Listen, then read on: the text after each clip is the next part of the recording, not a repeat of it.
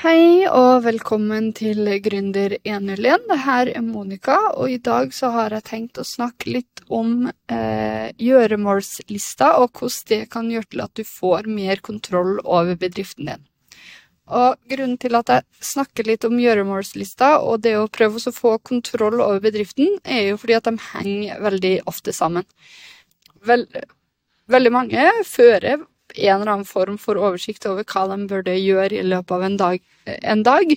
Men eh, noen ganger så kan det jo være at man ikke greier å fylle inn, fylle inn alt man må gjøre i løpet av en dag, eller man eh, eh fyller ikke inn alt som dukker opp, og man eh, har liksom ikke en plan for bedriftshverdagen sin, da. Så min tanke var å prøve å snakke litt rundt mine strategier, og hva jeg tenker, og hva, som, hva en sånn plan eller strategi gjør for meg, og hva kan kanskje Hva som kanskje skjer hvis jeg faktisk ikke gjør det her hver eneste dag. Um, så grunnen til at jeg mener at det er lurt å gjøre, lage en gjøremålsliste, er jo fordi at det gir meg mer oversikt over ting som må gjøres i bedriften. Hjernen min eh, Jeg er veldig glad i hjernen min, eh, men den greier ikke alltid å ha kontroll over alt jeg må gjøre eller må huske på, og når eh, de ulike deadlinene er, og hvor lang tid jeg har på et prosjekt, og hva jeg skal gjøre om to uker. Og på den måten så hvis jeg ikke skriver ned alt, så går jeg rett og slett rundt og kverner og prøver å tenke over alle de ulike deadlinene jeg har inni hodet mitt. Og det Når jeg ikke har så særlig mange deadlines, så er jo ikke det så særlig vanskelig å tenke over. Men hvis det begynner å fylles opp med veldig mange andre gjøremål jeg må gjøre, så er det faktisk veldig kaotisk oppi hodet mitt. Og da er det jo ikke bare kaotisk i arbeidshverdagen, da er det jo rett og slett også kaotisk for meg i eh, min private hverdag også. Jeg tar rett og slett med meg arbeidshverdagen min og tar den med meg over til min private liv. Og så går jeg rundt og tenker på alt det jeg burde gjøre i bedriften i privattida mi. Og den private tida vil jeg jo holde eh, hellig, for den har jeg jo lyst til å bruke med familie, blant annet, og barna mine. Og da har jeg egentlig ikke lyst å gå rundt og tenke på jobb. Det er jo mange som tenker at eh, det ikke er så særlig dumt å gå rundt og tenke på jobb hele tida, og at man kanskje får mer gjort, men det her handler eh, Og, og det, det, stemmer nok sikkert, men det her handler kan handle om at man er i ulike faser i livet sitt, kanskje, og at i enkelte faser så må man vie mer tid til familie og, og barn enn det man må kanskje hvis barna er 12-13 år. Så nå, nå, snakker jeg bare ut ifra mitt eget perspektiv med toåringer. Og jeg har eh, nå hatt eh, en bedrift i såpass lang tid at jeg har jo gjort mine jeg har gjort masse bra, eh, men jeg har gjort mine feil også. Og lært eh, av mine feil. Og for min del, meg personlig, så har jeg lært meg at egentlig så trives jeg og familien best med at min jobb er fra åtte til fire, og at ettermiddagene og helgene er stort sett jobbfri. Det er ikke alltid jeg klarer det. Det er noen ganger jeg sitter og jobber på kvelden, og jeg må jobbe noen ganger når ungene sover i helgen og sånne ting.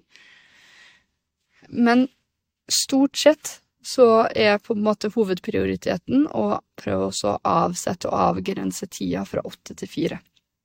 Og for å kunne få gjort alt det jeg skal, rett og slett fra åtte til fire, så må jeg prøve å være effektiv, og jeg må prioritere de aller viktigste tingene. Og så får alle de tingene som egentlig jeg kunne tenkt meg gjort, det får være eh, nedprioritert og satt av gårde til de eh, tidsrommene hvor jeg egentlig ikke har så selv masse å gjøre. Og hvordan kan jeg da eh, ha kontroll på det her? Jo, det er jo med gjøremålslista mi og to do-lista mi.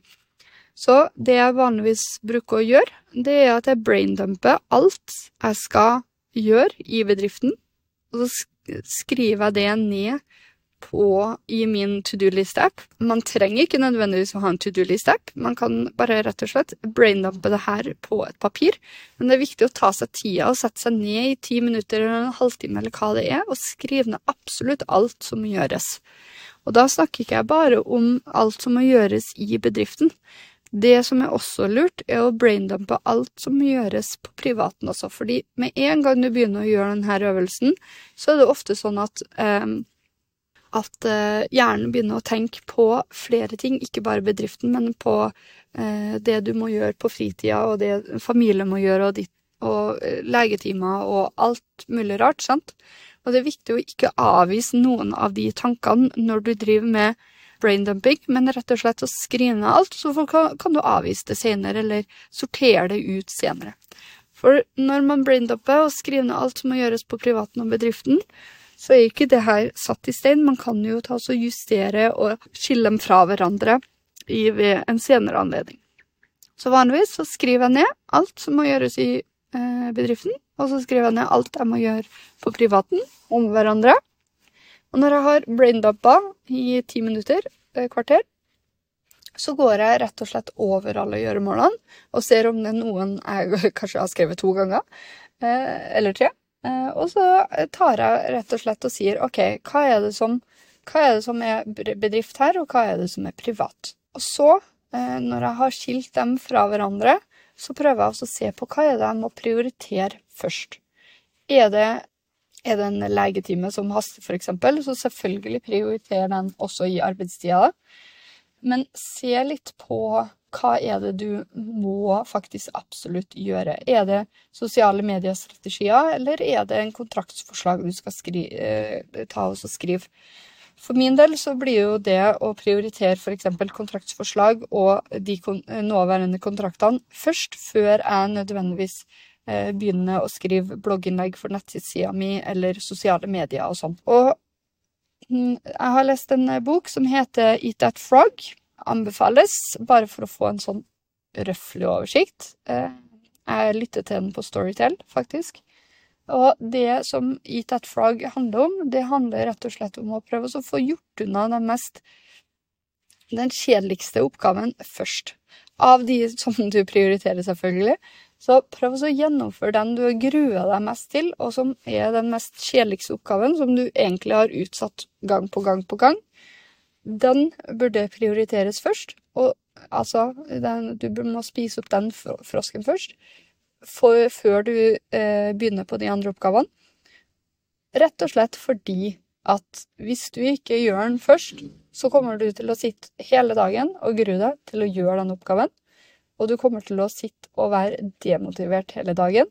Og du kommer til å mest sannsynlig prokrastinere og utsette den og finne unnskyldninger til å gjøre den en annen dag. Så ved å prioritere og starte med den oppgaven aller, aller, aller først i løpet av en arbeidsdag,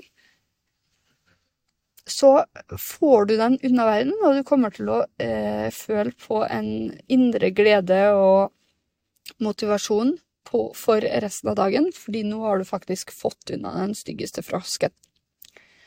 Og så eh, handler det jo rett og slett om å prøve å gjøre de andre prioriteringsoppgavene som du har den dagen, etterpå.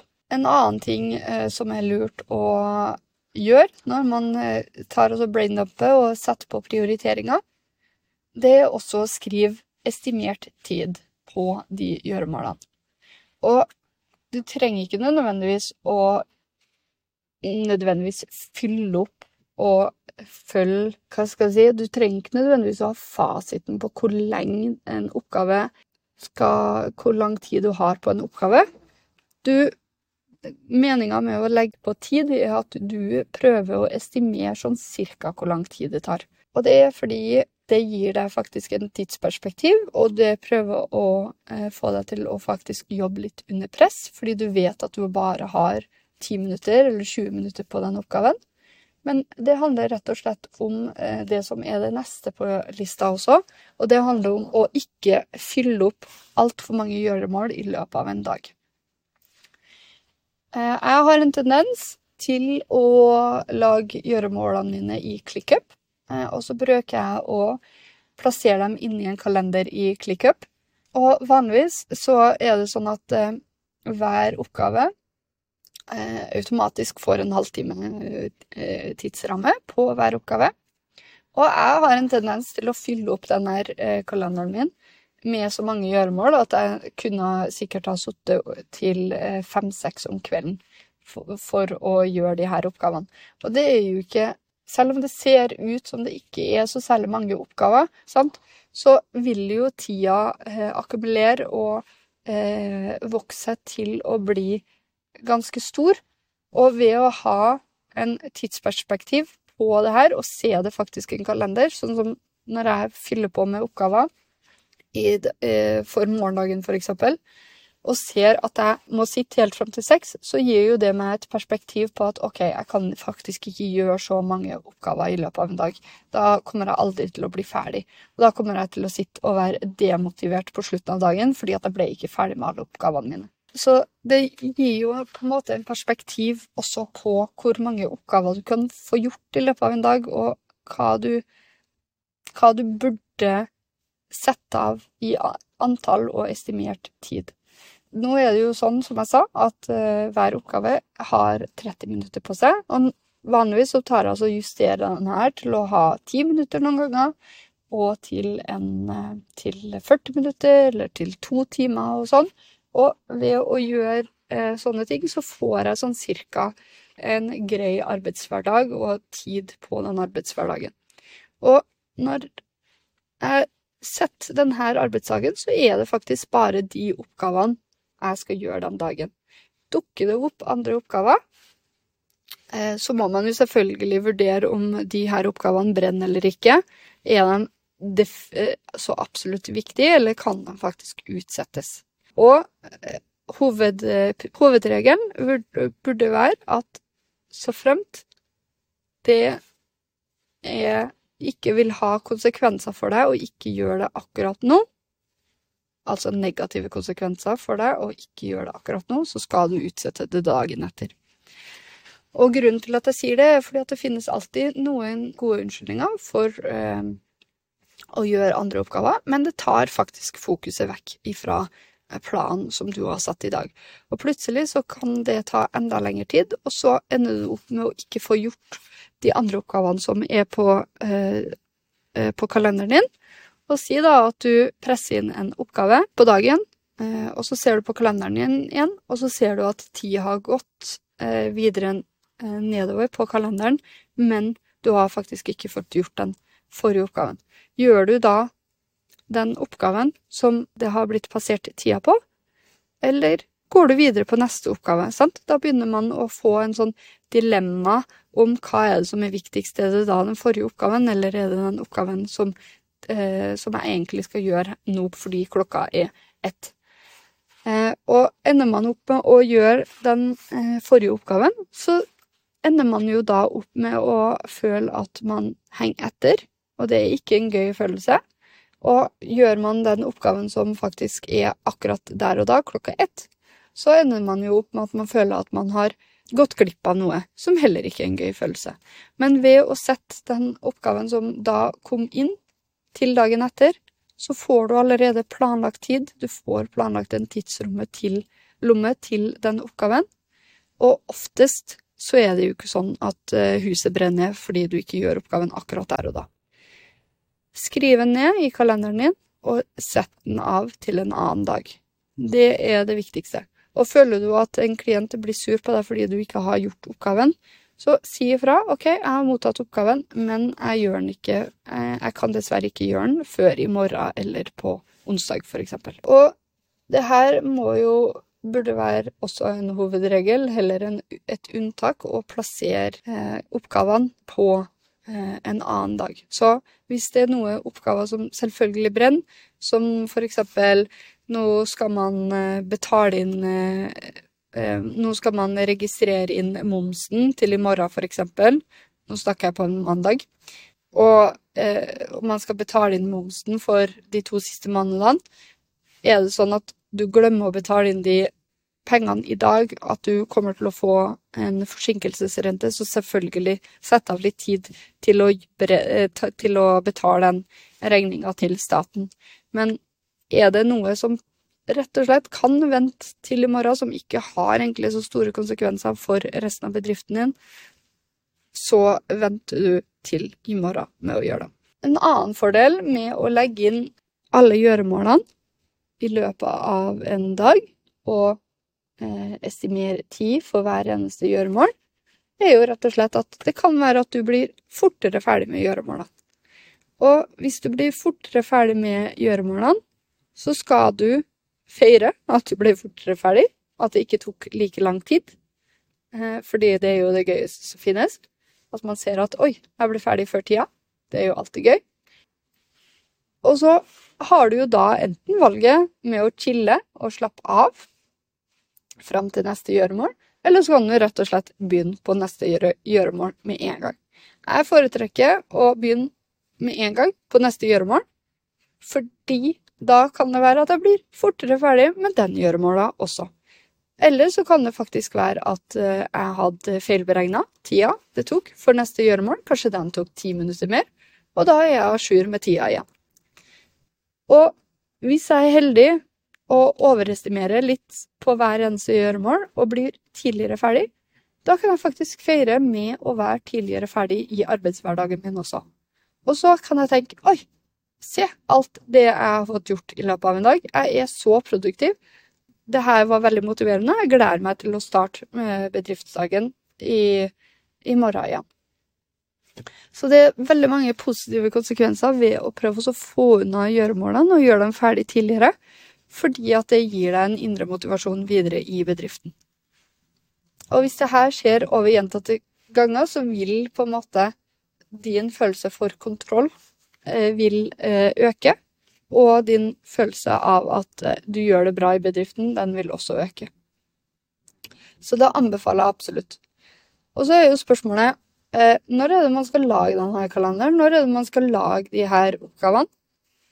Og da er det jo veldig mange forskjellige svar, og man må nesten finne ut av hva som passer best for seg. Men jeg har hørt veldig mye om at man burde lage gjøremål for måneden, eller uka og eller eh, dagen som eh, man skal jobbe på.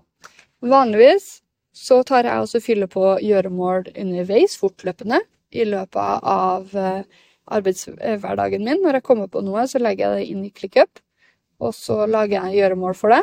Og så er det jo noen ganger man får et nytt prosjekt, og da lager jeg jo en gjøremål for hele det prosjektet, f.eks. Det tar jo litt lengre tid å gjøre. Men det er alltid lurt å se på hva er på en måte målet for denne måneden, eller hva er målet for de neste tre månedene, og så prøve å lage gjøremål basert på de målene du har også. Og så er det sånn at eh, man kan alltid starte arbeidshverdagen med å skrive ned de her gjøremålene og prøve å finne ut en prioriteringsorden på gjøremålene. Jeg velger heller, eller jeg prøver i hvert fall, det det kan ofte skje at jeg gjør det på dagen, men, eh, nei, på morgenen. Men jeg føler faktisk at jeg har bedre mestringsopplevelse hvis jeg gjør det på slutten av dagen eller på kvelden dagen før.